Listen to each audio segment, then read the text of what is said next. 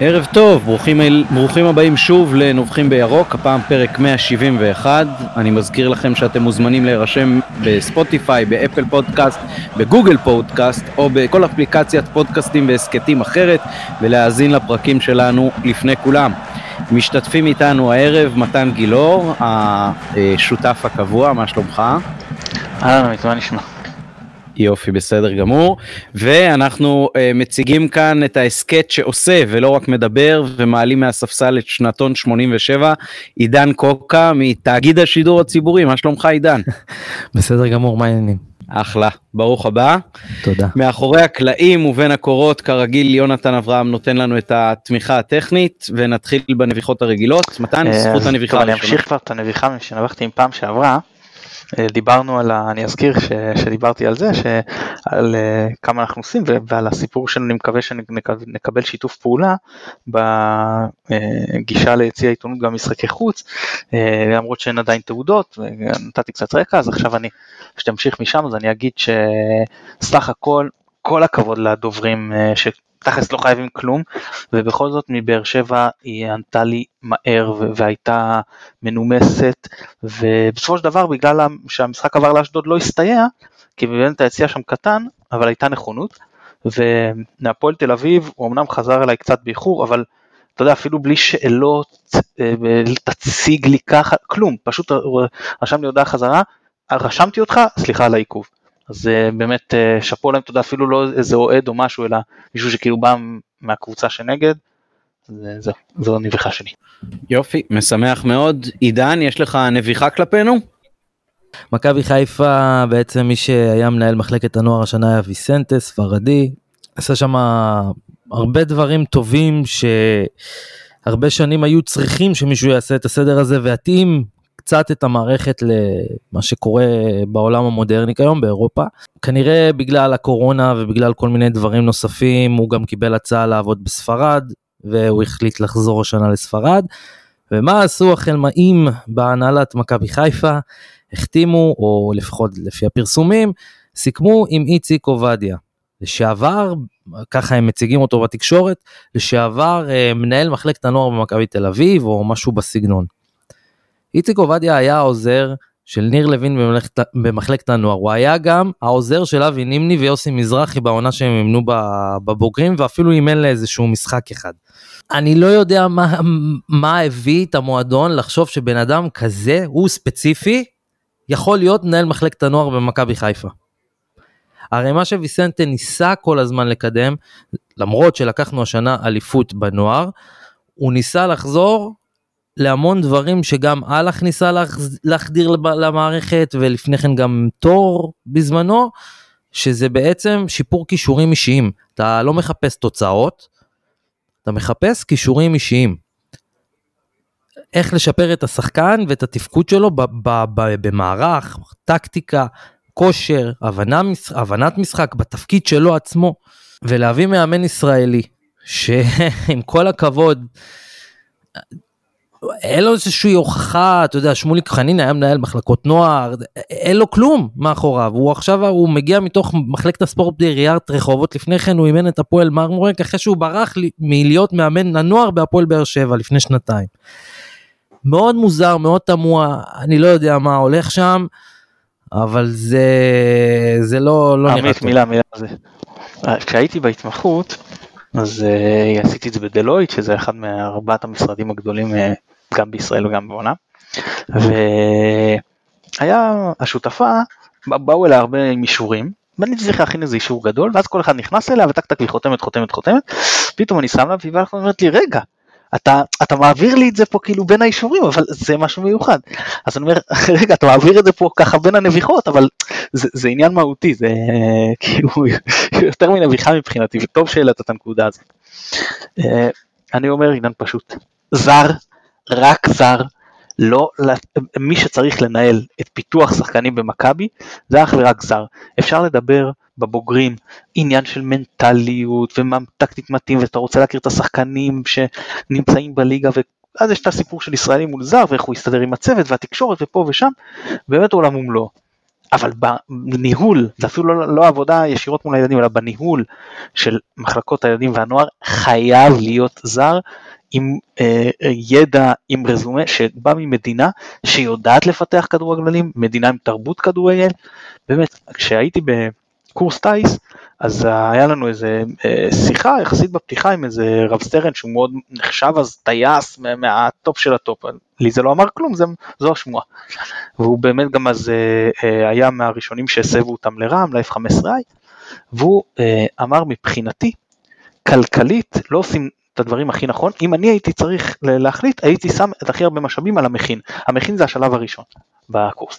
אז אני אומר אותו דבר, המשאבים לאו דווקא הכספיים, האנושיים אפילו, צריכים להיות מוכוונים לפיתוח של השחקנים.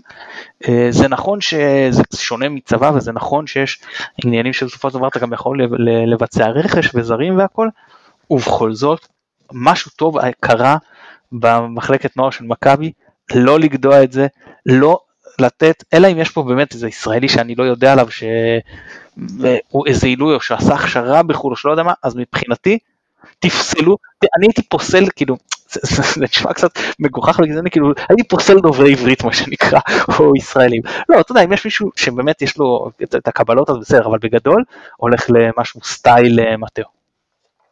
אז, אז זהו, זה העניין, שיש ישראלי אחד בערך לפחות, שהוא עבד אה, תחת ון לייבן במכבי תל אביב, ואין לו את הרצון להיות, כל מאמני הנוער בסופו של דבר, איכשהו היה להם את הרצון להגיע להיות מאמני בוגרים. מעט מאוד כאלה שבאמת נוער זה ה... בישראל לפחות. וכשאתה מביא מישהו זר, שהוא, זה העבודה שלו, הוא יודע שזה העבודה שלו, אין לו רצון להתקדם עכשיו להיות מאמן אה, בוגרים, אין, אין לו את זה שם, הוא יודע ובזה הוא אוהב להתמקצע וזה התענוג והתשוקה שלו, והוא מקבל על זה שכר בהתאם. במכבי תל אביב, ניר לוין עשה עבודה טובה, אבל הם ראו שזה לא מספיק. מה עשו? אחרי שנתיים, פשוט, הביאו את ון לייבן, ון לייבן שם כבר חמש שנים. ומה שהוא עשה שם זה מהפכה שלמה. אז אורי אוזן למשל, שעבד תחתיו שנתיים, אחר כך הוא עזב, לא משנה, הסיפור שם, בסופו של דבר, כשאתה שומע אותו, למשל, אה, שמעתי את הפודקאסט שהוא דיבר אחרי uh, הניצחון של הפועל תל אביב בפודיום. הוא דיבר שם על, על, על, אה, על זה שהם שילבו הרבה שחקני נוער, ועכשיו הוא אמר דבר מאוד פשוט. עם שחקן כזה וכזה, אנחנו עובדים, אני, אני עובד איתו וחשוב לא, לנו לשפר אותו באספקטים מסוימים במשחק שלו. עכשיו שלא תבינו, הוא נתן עכשיו משחק טוב, יכול להיות שעכשיו יהיה לו 12 גרועים. אנחנו עובדים איתו בשביל לספק אספקטים. וברגע שאתה שומע את זה ממישהו שהוא מנהל מקצועי במחלקת נוער, אתה מבין שאין לו מטרה לקחת אליפות בנוער. אין לו מטרה, אה, אני לא יודע מה, להתקדם הלאה. הוא פשוט מכוון רק אה, להעלות כמה שיותר שחקנים לבוגרים ושיצליחו שם.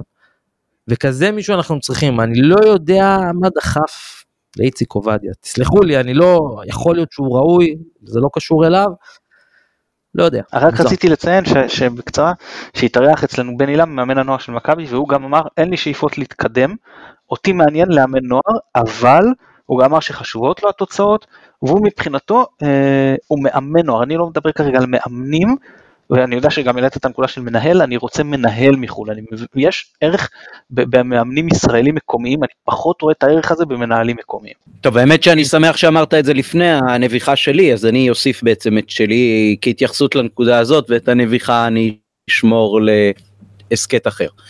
Uh, אני חושב שמה שבעיקר אולי עצוב פה, ושוב, בלי שום קשר למר עובדיה, לא מכיר אותו, אבל אין איזשהו רזומה יוצא דופן, אבל נראה שבכל מקרה זה אה, חותר תחת הטיעון של מכבי שהיא מבצעת אה, דברים באופן של אה, איזשהו תהליך סדור.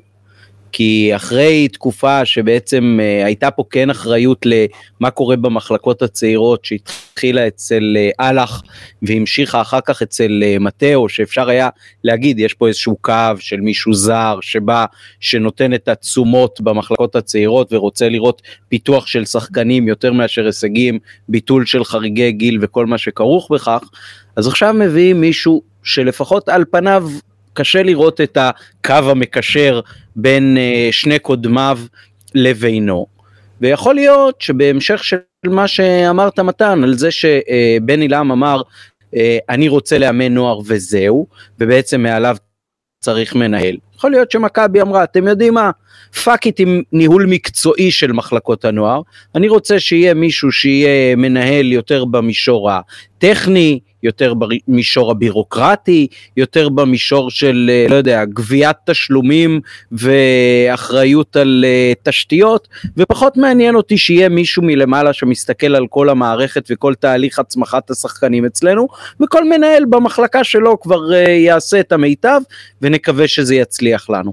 ככה זה לדעתי נראה לי, וזה מאוד מצער, כי נראה היה שלפחות במחלקות הצעירות כן יש איזשהו קו שחושבים לטווח ארוך וגם ניסו להשאיר את מטאו.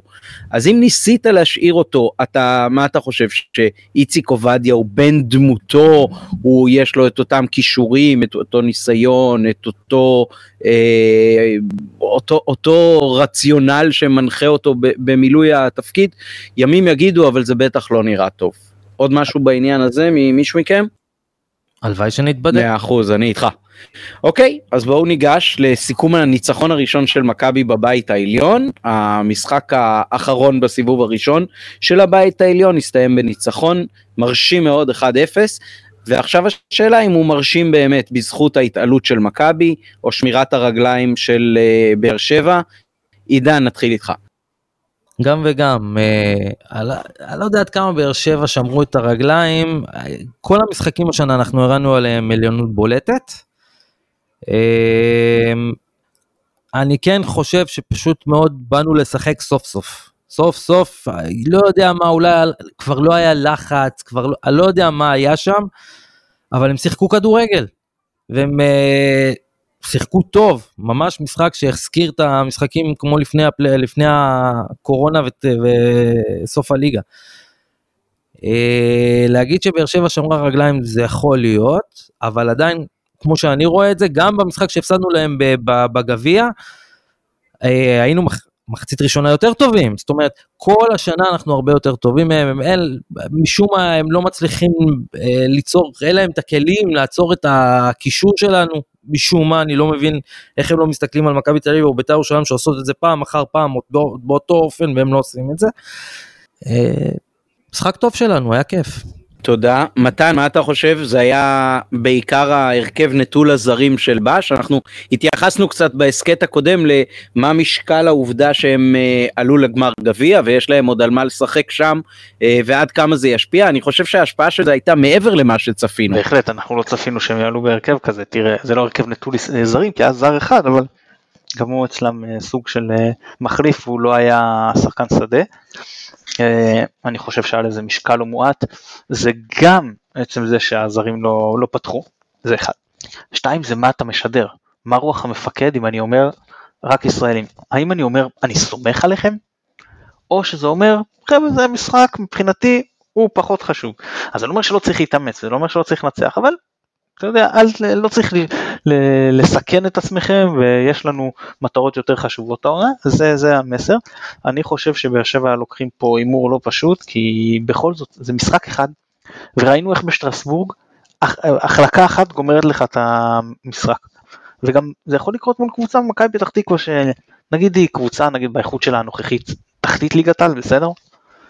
החלקה אחת אתה, ואתה יכול לגמור שם את, ה, את הסיפור זה, זה הימור לקחת שאתה לא הולך על המקום השלישי, לא יודע, אבל אה, גם אם אתה רוצה רוטציה, אני חושב שיש אה, דרך יותר חמאס לזה, אבל אבוקסיס בוודאי יודע יותר טוב ממני, בכל אופן, כל הסיפור הזה, גם העברה של האיצטדיון, וגם זה שלא היה קהל, מה שהקל להם לשחק אבוקסיסי ולתת לנו את הכדור, רק שבניגוד לגביע גם לא היו זרים וגם הלחץ שלנו היה הרבה יותר אפקטיבי ובקושי, אתה יודע, לא הצליחו לייצר כלום במחצית השנייה, בלי בעיטה לשער אפילו, אז, אה, אז אה, כן, אני בהחלט חושב שלעניין הזה הייתה משמעות. אוקיי, okay, עכשיו אני אשאל עוד שאלה, נגעתם בעיקר בבאר שבע, אז נסתכל קצת על מכבי עצמה.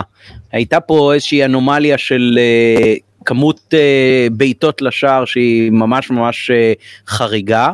והיה רק שער אחד. מצד שני לאורך העונה אנחנו ראינו שה-XG של מכבי הוא כזה שאנחנו מבקיעים אה, ממש מחצאי מצבים ועושים הרבה גולים לא צפויים. אתם חושבים שהסטייה הזאת הייתה בעיקר עכשיו, זאת אומרת אה, אנחנו אה, בדרך כלל בועטים הרבה לשער ומבקיעים הרבה, או שבעצם לאורך העונה הייתה סטייה משמעותית ועכשיו פשוט זה היה המצב הרגיל של המון בעיטות לא כל כך אפקטיביות שרובן גם לא למסגרת כמובן אה, והצלחנו במקרה לתת כל אחד דווקא לא מהמצב הכי טוב. מתן תתחיל אתה.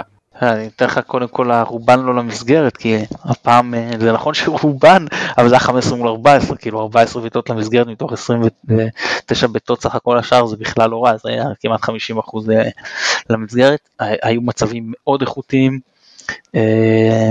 לא, זה גם עניין של חדות. זה גם עניין של יש על מה לשחק. זה גם משחק ספציפי ש, שזה קורה ההרגשה היא שרוקאביצה שהוא הסקורר שלנו השנה חזר לו משהו מהפגרה והוא לא ממש חד. יכל לשים שם. הוא היה פצוע. כן, אני נניח שהוא היה פצוע. הוא היה פצוע, הוא היה פצוע, הוא חזר עם מתיחה בשריר. אוקיי. אבל מתיחה בשריר לא משבית אותך לכל הקורונה זה לא אומר לא, לא מסביר למה שחקן קורא חוזר בצורה בכושר גופני שלי לפחות מהצד נראה, אני לא רואה את המדדים כן, אבל לפחות מהצד נראה ממש ירוד. אה, כושר משחק אני יכול להבין אבל מתיחה זה מהסיפור של שבועיים נגיד במתיחה הכי גרועה, מתיחה חזקה שלושה שבועות, הוא היה נראה ממש על הפנים. אה, מהבחינה הזאת אה, פחות מעורב, פחות לוחץ, אני מדבר על, על משחקים שהוא אולי הפעם זה היה טיפה שונה אבל גם הפעם אתה יודע מה הוא, הוא, הוא נגע בכדור אם אני לא טועה 18 פעמים או משהו כזה, כאילו משהו שאתה אומר לא סביר.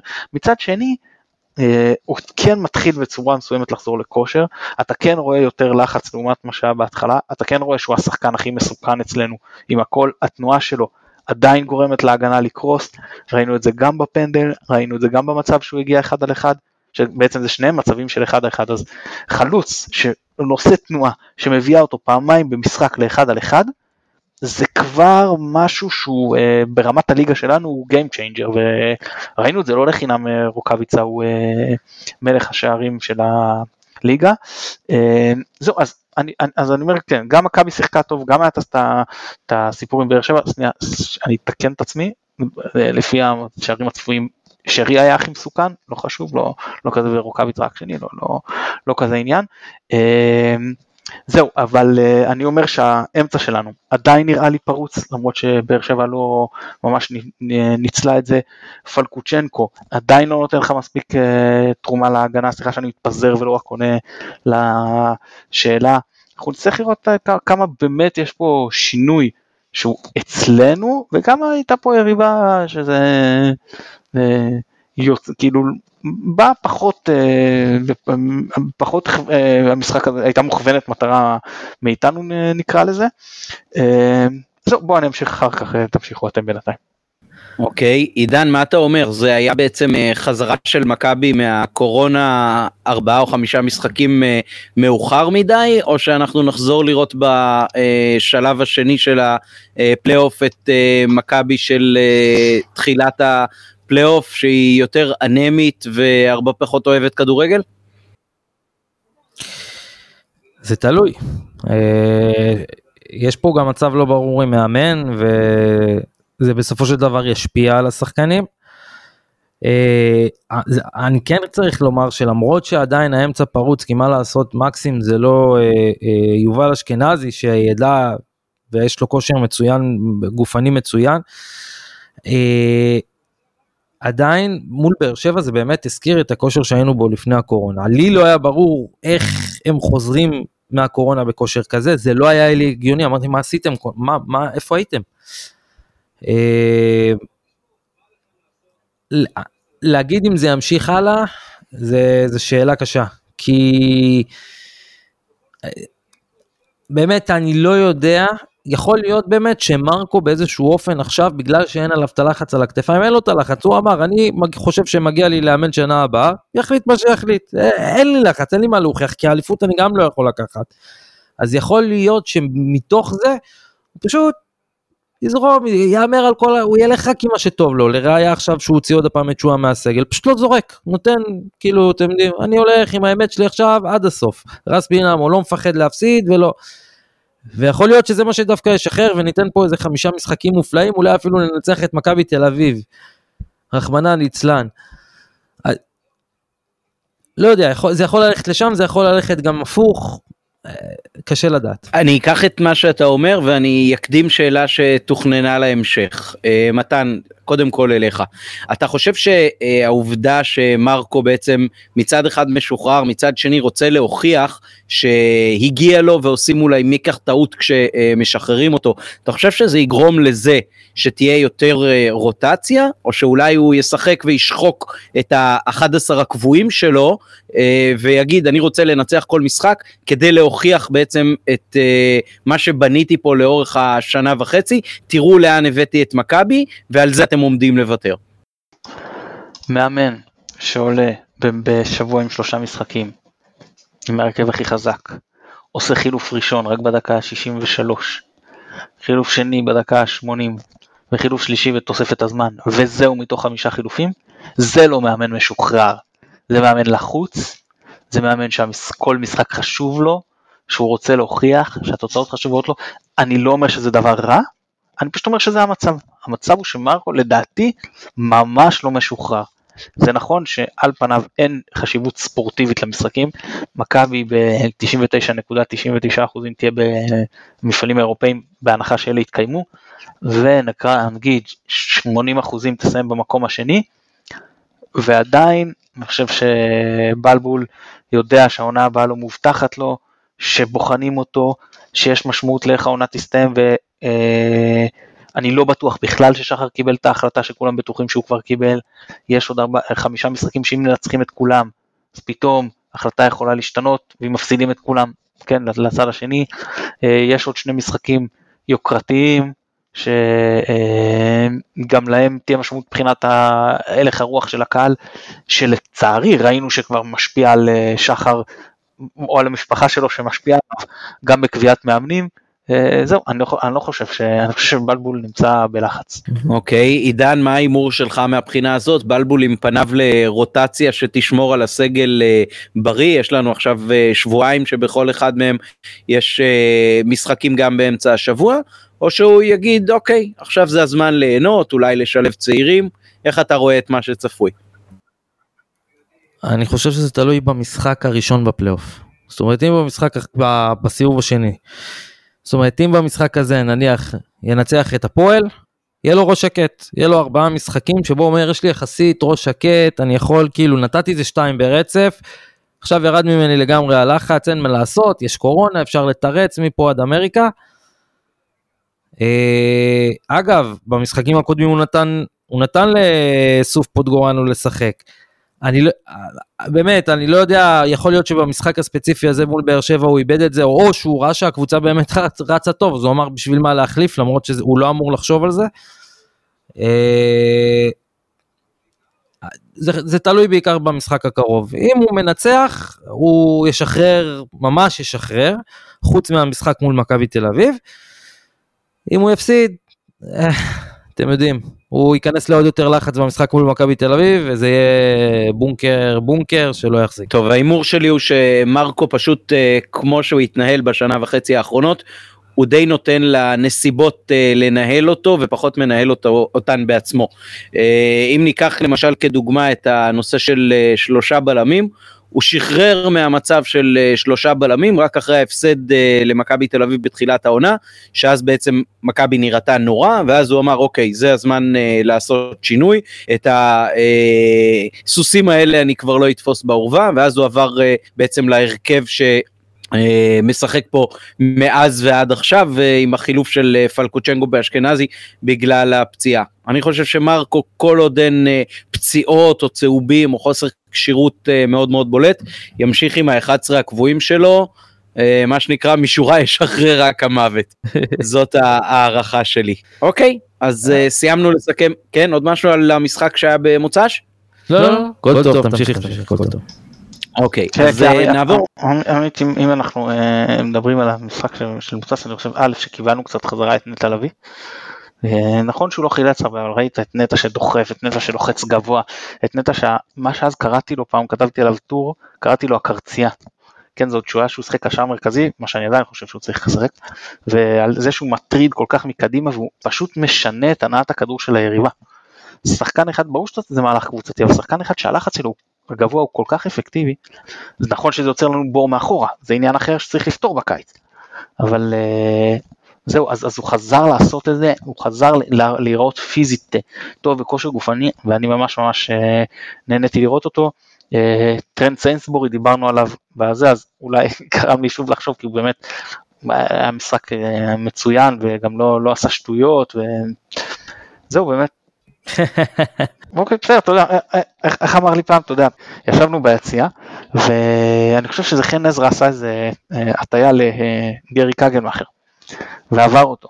אז מישהו צעק אה, שהוא אפס ותראו והנה וצריך להעיף את אה, קגנמח מהקבוצה. אז הדודן שלי אמר לו תראה גם את מלדיני עוברים אין שחקן שלא עוברים אותו השאלה היא כמה זה קורה במשחק הזה סך הכל אני חושב שהוא היה טוב. אה, זהו טוב אני יכול להמשיך לעבור עם כולם אבל באמת זה, זה, זה לא העניין רק זה היו שחקנים ש... שני שחקנים שרציתי לציין והאחרון שרציתי לדבר עליו זה סלליך שנכנס ממש טוב במשחק המשחק הכי טוב שלו מאז שהוא משחק חצי שעה הכי טובה שלו מאז שהוא חזר מהפציעה. ו... הדרבי. כן. נכון אבל בדרבי זה היה 10 דקות ואחרי זה כאילו הוא באמת אני, אתם צודקים הוא שינה את המשחק באותן 10 דקות אבל פה הרגשתי שהוא היה יותר מעורב אני מסכים שאתם צודקים זה stand corrected אז חוץ מהדרבי אה, זהו והלוואי שתהיה לזה המשכיות כי בניגוד למה שרבים חושבים וגם ידידנו טרקן החביב אה, אז אה, אני כן חושב שלסלליך שלפני הפציעה הרבה מה לתרום למכבי והוא כן שחקן ששווה את הקבוצה היום זה לא אבל אני מאוד מקווה שהוא יחזור אלינו עונה הבאה ברמה הזאת, אם הוא יישאר. כן, טוב, אני חושב שהיה מאוד בולט שמכבי בעצם חזרה לשטף שלה, ועכשיו נותר רק לראות אם אנחנו אה, יכולים ליהנות מעוד חמישה משחקים בעונה הזאת, שבסך הכל הייתה מאוד מאוד חיובית מבחינת אה, מכבי, ובטח לאור אה, כל מה שקרה בה מאז האליפות האחרונה, שכבר אה, יש הרבה ילדים שנולדו ולא ראו אותה. בסדר, נעבור עכשיו להמשך מטרות של הבית העליון, ומתן, תרשה לי לגנוב את אה, נקודות ה... אה, אה, המטרות שלנו לסוף העונה מהנקודות שמנית בטור שלך בבלוג. אה, אז בואו נדבר קודם כל על שני משחקים עם יוקרה. הדרבי והמשחק מול אה, מכבי תל אביב, מה מבחינת כל אחד מכם חשוב יותר ולמה, ועד כמה באמת יש לזה משקל לתוצאות בתקופת garbage 2 כזאת לשני המשחקים האלה. עידן, אתה תהיה ראשון. אה, נתת שאלה עמוקה איזה משחק איזה איזה משחק אה, חשוב לך יותר. אה, בגדול מכבי תל אביב יותר חשוב לי זה אני לא יודע איך להסביר את זה כי, כי אין זה זה זה זה זה זה היריבות זה זו הקבוצה שאני מתחרפן אני מתחרפן מזה שהם ב-27 2 עלינו אני לא יודע כמה. עכשיו יש לנו שני ניצחונות ליגה עליהם ב-11 שנה ב-10 שנים זה הזיה זה לא מבחינתי זה לא נתפס בכלל. אה, וזה זה המשחק שלדעתי הוא יהיה הוא מבחינתי לפחות בטופ כי וואלה זה גם הזדמנות להרוס להם אליפות ללא הפסד. יש קבוצה אחת שעשתה את זה אליפות ללא הפסד ולא בא לי שיתחילו השוואות אליה כי זה בכלל לא בר השוואה. זה זה זה בכלל זה כאילו אתה לוקח את מכבי תל אביב הזאת ואת מכבי חיפה של 94 אני אומר מכבי תל אביב נחשבת קבוצת מקום אחרון ליגה לאומית שנייה לעומת הקבוצה ההיא. אז כאילו אני אומר זה לא ויתחילו להשוות וזה, וזה אין זה יושב לי ומבחינתי זה זה לפחות מבחינתי זה משחק הרבה יותר חשוב. אני כן חושב אה, שגם מול הפועל במיוחד עם כל מה שעם השנים האחרונות והדם הרע זה חשוב אבל עדיין העליונות, זה לא משנה איך, אתה עדיין מרגיש עליונות עליהם. אין לי איך להסביר את זה. התקופה היחידה שלא, אני בתור אוהד לא הרגשתי עליונות עליהם, זה היה שהם זכו באליפות. ואז אני זוכר היה איזשהו אה, דרבי, שאורם ארבל אמר קבל עם ועדה, זה הדרבי הגדול במדינה. הדרבי של חיפה לקח לדרבי של תל אביב את הבכורה. וזה היה שלוש שנים שהיינו ראשון, שני, שלישי יחד עם הפועל חיפה, זה היה הזיה. זה היה השנים היחידות שאני זוכר את עצמי אומר בואנה אני שונא אותם יותר מאת מכבי תל אביב. שונא אותם, פשוט שנאתי אותם. אבל מעבר לזה, זה אין מה לעשות, זה, זה המשחק המרכזי שאני חושב שחשוב לנו גם כאוהדים. טוב, מתן, רשות הדיבור להגנה, אני רק אציין שאתה לא הזכרת את המשחק נגד מכבי תל אביב בטופ מטרות שנותרו למכבי העונה, ואני הערכתי שזה משום שזה כל כך מובן מאליו שאתה לא צריך לציין את זה, אבל בוא, אבל בוא תאמר לנו מה מבחינתך חשוב יותר, הדרבי או מכבי תל אביב, ועד כמה באמת יש לזה משקל וחשיבות בהמשך העונה הזאת. לא, לא ציינתי את זה, כי זה מבחינתי לא מטרה חשובה עד סוף העונה. אני חד משמעית אומר, זה כל המטרות שציינתי, את אותן ארבעת מטרות בטור, מטרות חשובות יותר בעיניי ממשחק נגד מכבי תל אביב, לאין ארוך הדרבי. אבל, אה, אבל אה, אני רוצה כמה, קודם כל כמה תיקונים. אחד, היו קבוצות שלא הפסידו, גם מכבי תל אביב פעמיים, אני לא טועה, בשנות החמישים, לפני קום המדינה, הפועל תל אביב עשו פה אפילו 100%, לא שיש ערך גם לשנים, לפני קום המדינה אין שום ערך, אני אומר, מי שקצת יעמיק, אני העמקתי באיזה טור ואחרי זה עוד העמקתי עוד מעבר, העונות האלה לפני כל המדינה חסרות משמעות. אה, עונות שמסתיימות, שקבוצות לא מסיימות אותו מספר משחקים, ועם סיכוי שאם אחת תשלים היא תעקוף ובכל זאת מוכרזת אלופה, אה, מחוז מרכז שמקבל אליפות, כי אלופת מחוז ירושלים לא יכולה להגיע בגלל המצב הביטחוני כדי להתמודד, כל מיני דברים הזויים שאתה אומר לעצמך, ליגה עם חמש קבוצות, כשהשאר מן הסתם לא יכולות להשתתף, שאתה אומר, נו באמת, על זה אתם סופרים אליפויות, בואו חבר'ה, כאילו, באמת, זה לא שחסר לכם, אני מסתכל על שתי התל אביביות, זה לא שחסר לכם ברזומה, אבל מזה אתם שואבים? טוב, נו שיש. אה, אחרי זה יש את העניין של אה, שנות ה-50-60, המרכזים, אני מזכיר כל מיני משחקים שהודיעו לקבוצות כן להתייצב או לא להתייצב, אבל נכון. בסדר, אבל זה כבר יותר לגיטימי, ואז שם מכבי עשו שניים, אה, אני חושב זה היה סוף 50 או תחילת 60 או משהו כזה, אולי תחילת 50 ואני לא מדייק. תחילת, סוף 50 זה היה הפועל פתח תקווה. אוקיי, טוב שאתה מתקן אותי, אז תחילת 50 עשו שני, שתי עונות ללא הפסד, בעידן היותר מודרני זה נכון שמכבי היחידה, מכבי תל אביב בהחלט מסוגלים לעשות אותו העונה, הם שווים את זה, אה, אני מסכים איתך שאין מה להשוות בין הקבוצות, בין הכדורגל של אז לכדורגל של היום, אה, רק להראות מה הישראליות עושות באירופה בשנים האחרונות ואיך אה, הידרדרנו. לעומת היבשת וגם הנבחרת שמדרדרת מקמפיין לקמפיין באחוזי הצלחה. זה אחד. שתיים, הסיפור של, אה, אני, אני, זה לא חד, חד ערכי, אבל אני כן חושב שיש מתאם בין המקום שבו בן אדם גדל או המשפחה שלו שהוא ינק ממנה את זה לבין אה, הסיפור הזה של הפועל חיפה מכבי תל אביב. אני חושב שאצל החיפאים בטח מי שדור שני קל וחומר שלישי הדרבי הוא משחק יותר גדול לא תמיד, שוב, אין פה התאמה מלאה, יש גם כאלה שזה הפוך, עמית אצלך אם אני לא טועה, אבל... אה, ומי שנגיד גדל במרכז, אז הסיפור עם מכבי תל אביב יותר. אגב, אני זוכר שאצלי בבית ספר, אוהדים של מכבי תל אביב, הדרבי בשבילם לא היה איזה משהו מיוחד. משחק מול מכבי חיפה, בעיקר שנות ה-90, כן? מדבר איתכם על ה... שזה אז הראש בראש, זה מבחינתם היה אה, משחק הרבה יותר גדול. אה, אז גם לסיפור פה אצלנו הדור שאני מדבר על, על דור שלישי מה שהלך גם מסבא ואבא אז היה גם את הסיפור של ההסתדרות עם הפנקסים, אין מי מסדרים לו עבודה. ואבא חושי, אבא חושי. כן, כן, בדיוק, אתה מבין, הדברים האלה חלחלו. כן. וסבא שלי, כאילו, שתבינו, לא, לא, אמנם אה, יהיה כפוץ, כאילו, אני חושב שהוא הבן אדם הכי חכם שהכרתי בחיי, אבל בכל זאת, הוא, אה, בגלל התנאים, כן, היה צריך ללכת להילחם, מלחמת עולם, עניינים, הוא השלים בגרויות, כאילו, בלימודי ערב ישן על רצפת המטבח.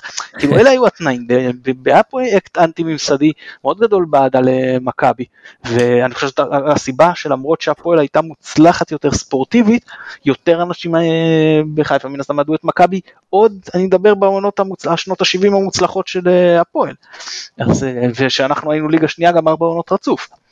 אז, אז, אז אני יכול להגיד שמכבי תל אביב יש פה יריבות. אני לא, אני לא מבטל את זה. כמובן יריבה ספורטיבית משמעותית והמשחקים אצלה נגדה כן עושים לי אה, פרפרים בבטן זה כן מרגש אותי ואני כן אוהב לנצח אותה אבל זה לא דומה בכלום לדרבי אני אגיד שני דברים על הדרבי. אחד אני רוצה לתקן עוד שני דברים אחד אני רוצה לתקן לא יודע מה זה שזכו באליפות לא הוענקה אליפות בעונת 1998-1999 בישראל. אגב זה לא, זה לא תקדימי, היו עונות גם באיטליה שהוכרזה עונה בלי אלופה, אני מזכיר לכם, בקלצ'יופולי, אז אליפות אחת ניתנה לאינטר שלי, ובעונה אחת אמרו, אין אלופה, אז גם בישראל, בעונת 1999 לא, לא הוענקה צלחת אליפות, זה אחד, ושתיים, כן. להבין כמה חש... החשיבות של הדרבי. את סבא קבענו בשעה 4 או 4 וחצי, 7 7 וחצי כבר היינו ישובים באיצטדיון בדרבי. עד כדי כך, כאילו, הדרבי הוא הרבה מעל כל משחק אחר. מטורף. טוב אז באמת כנראה הרבה מאוד דברים מהקטע הזה באים uh, מהמשפחה ואני למרות שגדלתי בחיפה וחייתי בה את כל שנותיי uh, הדרבי אף פעם לא תפס אצלי מקום שמתחרה בכלל במשחקים uh, מול היריבות הספורטיביות שלנו לא בשנים שהתחרנו עם בית"ר לא בשנים שהתחרנו עם הפועל תל אביב לא בשנים שהתחרנו עם מכבי תל אביב. בעיניי המשחק נגד מכבי תל אביב גם בשלב הזה של העונה הוא הרבה יותר משמעותי מאשר הדרבי. אתה אומר שהייתה עונה שלא חולקו אליפויות, אני אומר שבחיפה אין הפועל, אז בעצם אין פה באמת דרבי אמיתי, אה, ואפשר אולי להשוות את המשחקים שלנו מול הפועל אה, חיפה למשחקים של אה, מכבי והפועל תל אביב, ולבני יהודה, שמשון, ביתר תל אביב. זאת אומרת, יש עוד קבוצה קטנה בעיר, אבל היא לא רלוונטית והיא לא בתחרות איתך על כלום, ולכן המשחקים איתה הם uh, קצת פיקנטים בתקשורת, אבל באמת, למרות שהכרתי גם אוהדי הפועל חיפה, זה, זה לא היה זה, זה, זה לדעתי, אני לא אגיד כמעט מלאכותי, כי, כי אתה כן לוקח את זה למקום אחר לגמרי, אבל ברמה האישית שלי, זה לא uh, משחק שמתקרב בכלל לחשיבותו. מעבר לכך, אני חושב שבגדול כנראה רוב הסגל של מכבי יישאר כמו שהוא בשנה הבאה. וחשוב לי שהסגל הזה ידע שאפשר לנצח את מכבי תל אביב, ואולי זאת הזדמנות טובה לעשות את זה.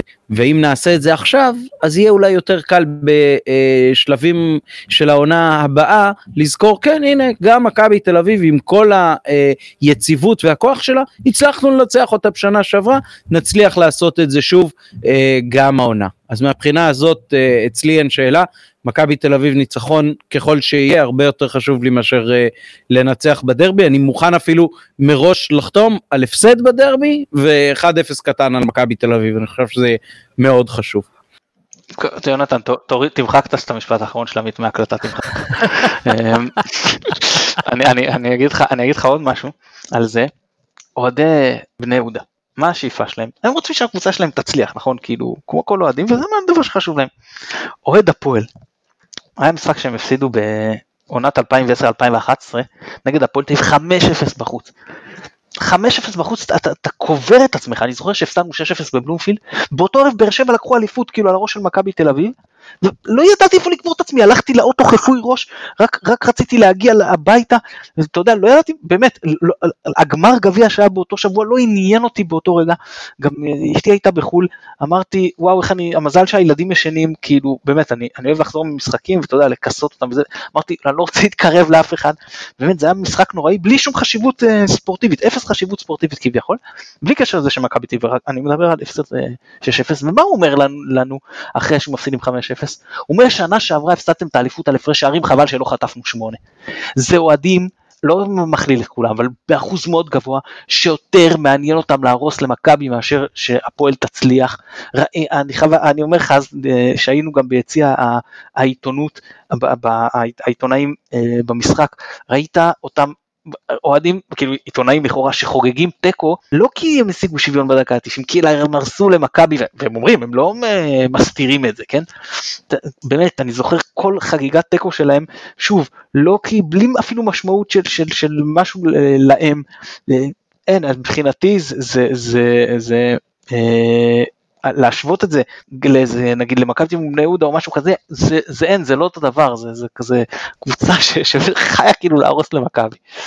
אבל אבל אתה ב, ב, בתיאורים שלך אתה מאמץ את נקודת המבט של אוהד הפועל וזה בדיוק מה שאני מסרב לעשות זאת אומרת זה שכל תכלית הקיום שלהם זה לנסות לקלקל לנו עוד לא אומר שאני סופר אותם. אתה יודע, אני תמיד אומר, אה, אני, איזה משפט שאני מאוד אוהב של אפרים אה, קישון, זה אחד המשפטים שאני הכי מתחבר אליהם בכל המהות של מדינת ישראל. ועד כדי כך. הוא אומר, אה, החשיבות הכי גדולה של מדינת ישראל זה כשאי פעם אם מישהו, בהיסטוריה מעכשיו ולנצח בכל מקום בעולם, ינסה באופן עקבי ושיטתי להעמיד יהודים בצד של הלוע, הוא ימצא צבא יהודי בצד של הכת. אין מה לעשות, אתה מגדיר את עצמך תמיד כמה שנוח להגיד, לא מעניין אותי מה אחרים חושבים וזה, יש תמיד איזושהי הגדרה שהיא, אה, נשענת גם על הצד השני, בעיקר כשזה משהו שהוא אמוציונלי כמו כדורגל, בעיקר כשזה משפיע על התוצאות, הוא אומר לך שהוא רוצה להפסיד 8-0, אז זה גם סיפור שמשפיע עליך, זה לא איזה משהו כאילו אני מתעלם ממנו. אפרים נכון. קישון אמר שמדינת ישראל זה המקום היחיד שלא מתפללים לניסים אלא בונים עליהם, זה מבחינתי המשפט שלו. אגב, זוכרים שאמרתי בהתחלה שהיה לי איזשהו שבר שהתחלתי להתרחק מאוד מהקבוצה כי משהו שם פשוט לא אהבתי כל מה שקורה. אחד המשחקים שגרמו לי לעשות את זה זה אותו 6-0. זה משחק שאחריו הדבר הראשון שעשיתי זה היה לבוא ולהגיד חברים עם חוסר ספורטיביות אני לא משתף פעולה. אין לי בעיה עם הכל חוסר ספורטיביות אין לי בעיה להפסיד להם לי... חוסר ספורטיביות מפה זה לא לא בשבילי. ופשוט אמרתי מי שרוצה לקנות את הכרטיס זה כרטיס למכירה.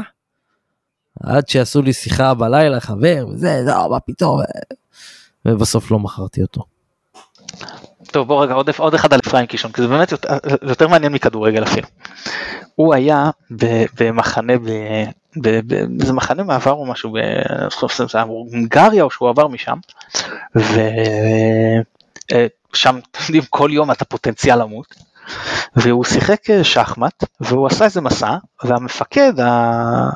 אה, אני, אני חושב איזשהו סרבי או משהו כזה או גם אני לא בטוח אמר לו אה, אתה טועה זה לא המסע הנכון. אז הוא אמר לו בהכנעה זה המסע הנכון. אז הוא אומר לו לא יש בספר של איזה סופר שחמט מפורסם לתקופה שאומר שהמסע שהייתי צריך לעשות עכשיו הוא כך וכך. אז הוא אומר לו בהכנעה אתה, בסוף של הספר יש תיקונים לטעויות שבספר ובתיקונים אני עשיתי את המסע הנכון. אז לוקח אותו המפקד ואומר לו בוא נראה ואז הוא מביא את הספר ואומר לו צדקת באמת בסוף עשית את המסע הנכון הוא אומר לו אה, מעכשיו אתה עובד אצלי ואז במקום עבודות הפרך הוא קיבל עבודה נוחה אם גם אם זה היה עם לא יהודים עבוד, אה, סוג של עבודת מטה נקרא לזה. והוא אומר התנאי שהוא היה צריך לשחק איתו שחמט. והוא אומר החיים שלי היו תלויים בזה שאני אמשיך לנצח אותו. כי מה הוא צריך אותי ברגע שהוא מנצח אותי? הוא היה צריך אותי כל עוד אני ממשיך ללמד אותו. אז, זה, דבר יפה. ובסוף הוא הצליח ל, להגיע לרכבת וככה הוא ברח וישבו מולו החבר'ה שלה, שעבדו איתו. והם היו לפעמים אני לא זוכר את התיאור המדויק אבל לא נראה לי חובבי יהודים גדולים וגם לא יהודים ושם איפשהו הם דווקא עזרו לו ולא לא הסגירו אותו וככה הוא ברח. אוקיי, איך ממשיכים? איך ממשיכים מפה? אחלה סיפור, לא, אה, זה טוב, זה מעניין, דמות מאוד מעניינת אפרים. אפרים קישון זה קלאסיקה, אין ספק. אה, אוקיי, בוא נחשוב על עוד מטרות שנותרו לנו העונה, חוץ מלחשוף את קהל המאזינים לקלאסיקות של הספרות העברית. אה, מה אתם אומרים, המומנטום וסיום העונה? עונה בטעם טוב, זה משהו שיש לו איזשהו משקל אה, שישפיע על העונה הבאה, כשיהיה פה ככל הנראה מאמן אחר, כנראה חלק מהשחקנים גם אחרים, או שזה סתם יעשה לנו טעם טוב בפה, אבל לא יהיה לזה שום משמעות. עידן. 2012-13, סיום עונה יפהפה סך הכל על ידי אריק בנאדו שהחליף את ראובן עטר. וכולנו יודעים מה בא אחריו. בשביל האוהדים זה יעשה טוב, כי באמת הייתה עונה יפה, עונה טובה, עם המון המון שערים יפים, המון עם משחקים, ו- ופתאום אתה תחרותי אחרי כל כך הרבה שנים. הייתה עונה מרגשת לאוהדים, אז בשביל האוהדים, אה, אה, סיום טוב וסיום זה, זה יהיה מדהים. לגבי המועדון שנה הבאה, כשכבר מצהירים שלא הולכים לקנות שחקנים אלא רק שחקנים חופשיים, אני יכול להבין בגלל הקורונה וכו', ושאני רואה את כל ההתנהלות הכללית, איפה ש... אתה יודע, אני אומר, גם אם יביאו מאמן אחר, אה, הכל תלוי בתכלס בשני משחקים הראשונים וכמה אוהדים ישפיעו עם הלחץ שלהם על המועדון בשני משחקים הראשונים וכמה התקשורת, התקשורת, אה, מה שנקרא רדיו חיפה ושות' ישפיעו עליהם בשני משחקים הראשונים. ואם הם ינצחו יהיה להם עונה טובה ואם הם יפסידו הלכה עוד עונה הכי פשוט. הם לא כי, כי, ככה הקבוצה הזאת מתנהלת אגב זאת אומרת זה אין איזה משהו שמבודד אותה. אז אני לא רואה איזשהו, איזושהי השפעה מסוימת שתהיה לסוף העונה הנוכחית. כן, זה יכול לתת יותר ביטחון, מה שדיברתם, מה שדיברנו קודם על העניין הזה של לנצח את מכבי תל אביב, מה שאמרת, זה יכול לתת יותר ביטחון לשחקנים בעונה הבאה שאפשר, אבל שוב, זה, זה צריך, מרקו מה שעשה השנה, טוב, זה בגלל שבגלל האופי שלו הוא ידע לבודד את המערכת יחסית בגלל שיש לו אופ, אופי של יבש אופי שאני לא יודע איך להסביר אותו אז הוא יכל איכשהו לבודד את המערכת וגם זה אתם יודעים אני, אני לא חושב שיש מישהו אחר שיכול. זה צריך להיות טיפוס מאוד מאוד מיוחד המערכת הזאת פרוצה לכל כיוון. היום אם מישהו רוצה לבוא עם מצלמה לכפר גלים ולצלם הופ אה, יכול באהלן אהלן. השבוע ניסו לצלם את האימון של מכבי תל אביב, צילמו דרך חורים קטנים בגדר, לא יכולים להיכנס לשם, אין יוצא אין בא.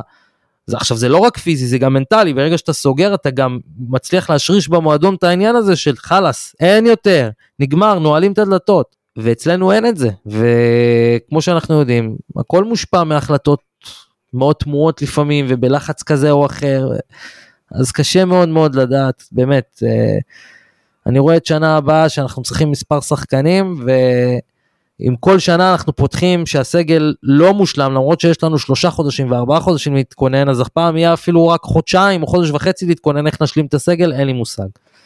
אוקיי, okay, מתן, אה, מה אתה אומר, הסיום של העונה הזאת ישפיע על תחילת העונה הבאה?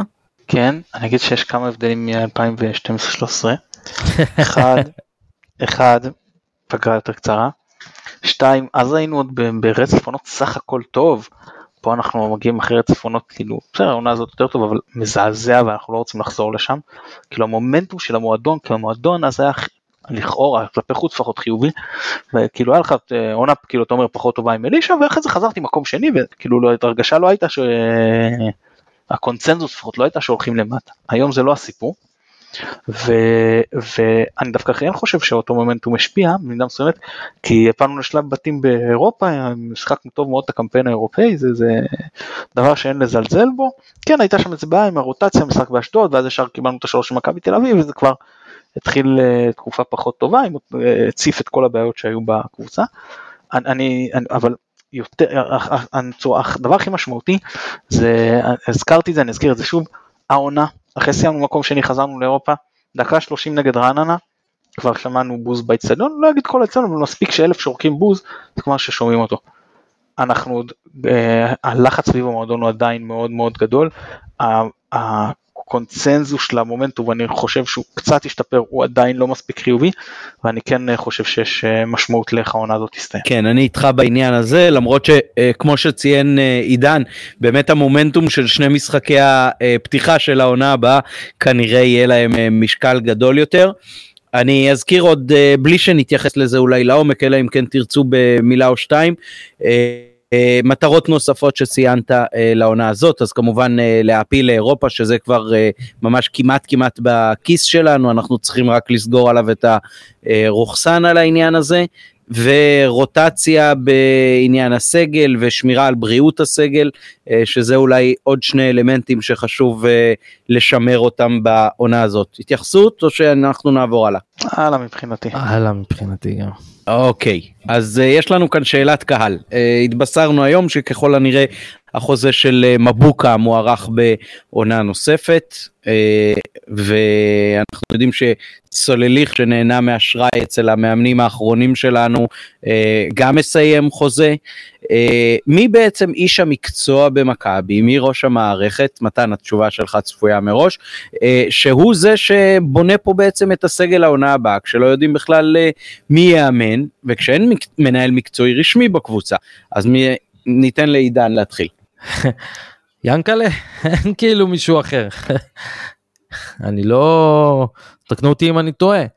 זאת אומרת אין, אין, אין איזושהי דמות מקצועית שאומרת אוקיי זה מה שאני רוצה זה מה שאנחנו הולכים אני בונה לא ככה וככה אני אחראי לתת את הדין ודבר אין כלומר מנחיתים על מאמן אה, אולי אחר שהוא לא יתאים לו לשיטת משחק או וואטאבר אני לא יודע מה. אבל זה לא חדש שככה המועדון מתנהל, זאת אומרת לי זה לא חדש, אני כאילו... אה, אז כן, ינקלה, זה לא איזשהו משהו... אה, הוא זה שמכווין. מתן, ספר לו במה הוא זכה, ותן לו את הסימוכין.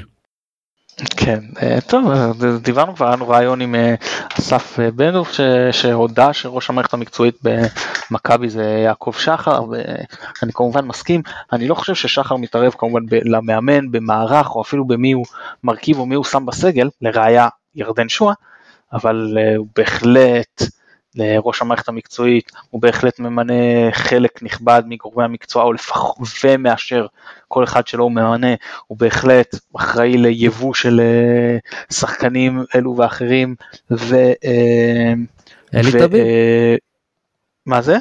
אלי טביב? טביב, טביב. טביב, טביב מתערב יותר כי טביב גם מחליט על ההרכב וחילופים וכאלה ואני לא חושב ששחר מתערב. מבחינת הניהול המקצועי אלי טביב. אני לא יודע, אני, יש הבדלים, תמיד גם אה, שם דגש הרבה יותר גדול על uh, ההתנהלות התקציבית של המועדון עצמו. זאת אומרת, טביב עושה כסף מכדור, לדעתי לפחות, אני לא, שאף אחד לא יודע, לכאורה, טביב עושה כסף מכדורגל.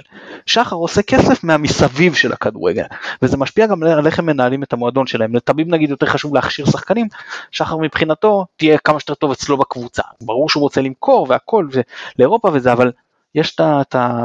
זה, זה, כל ההתנהלות היא, היא, אני חושב שיש בה שוני, זה נכון ששניהם ראש המערכת המקצועית, גם איזה שירצקי ראש המערכת המקצועית, אבל הוא יותר דומה לטביב מאשר לשחר מהבחינה הזאת. כן, אני איתך בעניין הזה, ונעבור למשחק של מחר, הפועל תל אביב בבלומפילד. תנו לנו הרכב, עידן, אתה ראשון. כמה רוטציה אתה עושה, או שאתה שומר על uh, מה שעבד טוב נגד באר שבע? אה, ש... קודם כל אנחנו כבר יודעים שהוא אשוב מחוץ לסגל. אה, אני לא יודע מה עובר שם ומה לא עובר שם, אבל לדעתי המועדון חייב לגבות את המאמן בנושא הזה. וגם היה צריך לעשות את הבדק בית שלו לגבי אופי של שחקן לפני שאתה מביא אותו למועדון. ואם היו עושים את הבדק בית הזה היו מגלים שזרקו אותו מהרבה מחלקות נוער והמחלקת נוער הכי טובה בארץ כיום של מכבי תל אביב והעדיפה את אילון אלמוג על פניו. איפה הוא ואיפה הוא. אמ, נשאר עם אותו הרכב משבוע שעבר, אני לא עושה איזשהו שינוי. אה, אה, וכן משתמש בחמישה חילופים, מנסה גם אה, לשלב יותר שחקני נוער בקישור. זאת אומרת, אנחנו יודעים מה הבעיה שלנו שם, במידה ויהיה משחק טוב, אנחנו, לא יודע, נוביל 1-2, כבר להכניס שחקני נוער שיכולים להשתלב ולעזור במערך, במה שאנחנו צריכים, אם זה 6 או 8. מתן, מה איתך? תראה, אני חושב שבלבול יעלה עם אותו הרכב. אה, אולי שינויים קטנים, אולי ייתן לסלליך, אבל אה, אני מבחינתי הייתי מרחיב פה את הרוטציה. שוב, אני, אני, אני כן חשובה לי התוצאה, אבל החשיבות היא יותר אה, נמוכה. גם יש לנו משחקים חשובים יותר, גם הדרבי, והנה מכבי תל אביב זה יותר יוקרה. או אפילו להבטיח אירופה נגיד, אתה יודע, אם הכל, כל הכוכבים הולכים לרעתנו, אז הפועל תל אביב זה לא משחק, ש... מספיקה נקודה, זה לא משנה איפה, אבל אבל אפילו תיקו נגיד, כן, אז זה לא משנה, סליחה, אז אני חוזר בי, אז אה, מהבחינה הזאת זה כן חשוב באותה מידה, אבל בסדר, אבל אפשר להשיג את אותה נקודה גם במשחקים אחרים, ההשפעה על סיום העונה תהיה יותר נמוכה, ההשפעה על הדרבי ועל מכבי תל אביב, על איך שאתה מגיע למשחק, זה יהיה אה, יותר נמוך, אני כן הייתי הולך פה על רוטציה רחבה, לא להתיש את השחקנים שגם ככה חם, גם ככה הם מגיעים בכושר גופני שהוא לא בשיא העונה כמו שאתה מצפה מקבוצה להגיע לפלייאוף העליון. אה, זהו, אז אני, אני מבחינתי, לתת לך הרכב בדיוק, אני צריך לחשוב על זה. שחקנים שקשה מאוד אה, להחליף, כמו מבוקה למשל, כי אין לך כל כך מגן. אה, היית נותן לניקיטה לנוח? כן, ניקיטה בוודאי, הראשון שהייתי נותן לו לנוח. מי היית שם במקומו בחוד? בזה שבהנחה ששועה גם לא משחק. נחמני. נחמני? אפילו נותן לעווד, כן כן, נחמני ועווד שיכולים מבחינתי לפתוח ביחד כצמד חלוצים, אין לי שום, במשחק הזה אין לי שום צורך, אה, אני לא מרגיש שום דחיפות לשמור על ה-4-3-3 או 4-2-3-1 שהם שני המערכים שבלבול הכי אוהב, אני בסדר גמור לשחק פה 4-4-2 או 5-3-2 גם. בסדר מבחינתי, יש לנו עומק גדול בעמדת הבלמים, אפשר לשחק עם שלושה מהם, בעיקר שאנחנו יודעים שיש לנו בעיה באמצע, בעיקר שאנחנו רואים שהפועל תל אביב, גם נגדנו, גם נגד מכבי תל אביב, עולים אמצע מאוד מעובה, זה גם לא אמצע יותר מדי יצירתי, כן, מאיר, אייזן, בואטנג, זה, זה חבר'ה שהם לא איזה פנטז, פנטזיסטים, כן, זה חבר'ה של קרב חפירות, אז גם ככה אני אומר שהם יעשו לנו את הצרות באמצע, אז אה, כמו, כמו שאמרתי גם נגד מכבי תל אביב, וזה הוכיח את עצמו, בואו נלך אחורה, נעלה עם אה, שלושה בלמים, נחכה להם שם, אין מה לריב איתם באמצע, שההפסד ידוע מראש, לאבד על זה אנרגיות, וגם שנהיה חשופים מאחורה. אז אה, למנוע את, את, גם פה את הסיפור הזה, למרות שאני חושב שכמו מכבי תל אביב גם הם ייתנו לנו להחזיק אה, בכדור וינסו להרוויח עם האמצע החזק שלהם ולצאת מהר קדימה, אז אני אומר אוקיי, הם יוצאים, רוצים לעשות את זה, להרוויח את הכדורים, לצאת למתפרצות, אני מחכה להם השלישייה האחורית שלי במרכז ההגנה, לא חושש מה, עם כל הכבוד לאלטמן וברשצקי, הם שחקנים לא רעים בכלל, שחקנים אפילו, אה, אתה יודע, מוכשרים, ועדיין לא חושש ממה שהם יעשו לי באגפים, יותר חושש מכל הכניסות של, של, של אותו אלטמן וברשצקי לאמצע. שם עושים לי יותר נזק, שם אני רוצה את הבלמים שלי, לא חושש שהם יכניסו כדורים לאין חלוצים בעצם של הפועל תל אביב. כן. טוב אני איתכם בעניין הזה אני חושב שמרקו ישמור על ה-11 שעלו מול uh, באר שבע אבל אני בהחלט הייתי עושה חילוף או שניים. הייתי כן uh, מנסה את uh, אוטין כמגן שמאלי ורואה אם יש לי על מי לבנות לשנה הבאה אולי ברגע האחרון שאפשר בכלל uh, לבחון את הנקודה הזאת ואולי נותן צ'אנסים לסוף פוטגורנו שכבר קיבל כמה דקות אז אולי הוא כבר קצת משופשף והגיע הזמן שנראה בהרכב. יחד עם עווד כמו שציינת בהחלט יכול להיות מעניין וניקיטה גם מסוג השחקנים שאולי שווה לתת להם uh, לנוח לקראת הקרבות היותר קשים בפלייאוף. נעבור להימורים עידן תוצאה. וואו וואו. שתדעו לכם שזה קשה קשה אני אף פעם לא מהמר על הקבוצה שלי אבל uh, 2-0 לא 2-1 2-1. טוב אני איתך בקונצנזוס בעניין הזה מתן. אוף, מה אנחנו אחרי ניצחון אז והם מגיעים קצת יותר בדאון מאיתנו אז uh, 1-0 מכבי. יאללה שיהיו שלוש נקודות לא ברור uh, מה הם יעשו אבל הם יעשו לנו טוב בלב זה בטוח. תודה רבה מתן. תודה לך. תודה רבה עידן היה כיף לארח אותך. תודה לכם, היה כיף כיף מאוד. יופי, תודה רבה גם ליונתן אברהם שנותן לנו תמיכה טכנית מאחורי הקלעים, ואנחנו מזכירים לכם להירשם באפליקציות וברשתות החברתיות, לעקוב אחרינו כמו שאתם יודעים. שיהיה לכם uh, המשך ערב נעים, ואני מקווה שנספיק להקליט גם uh, בין הפועל תל אביב לבין המשחק הבא. ערב טוב ולילה טוב.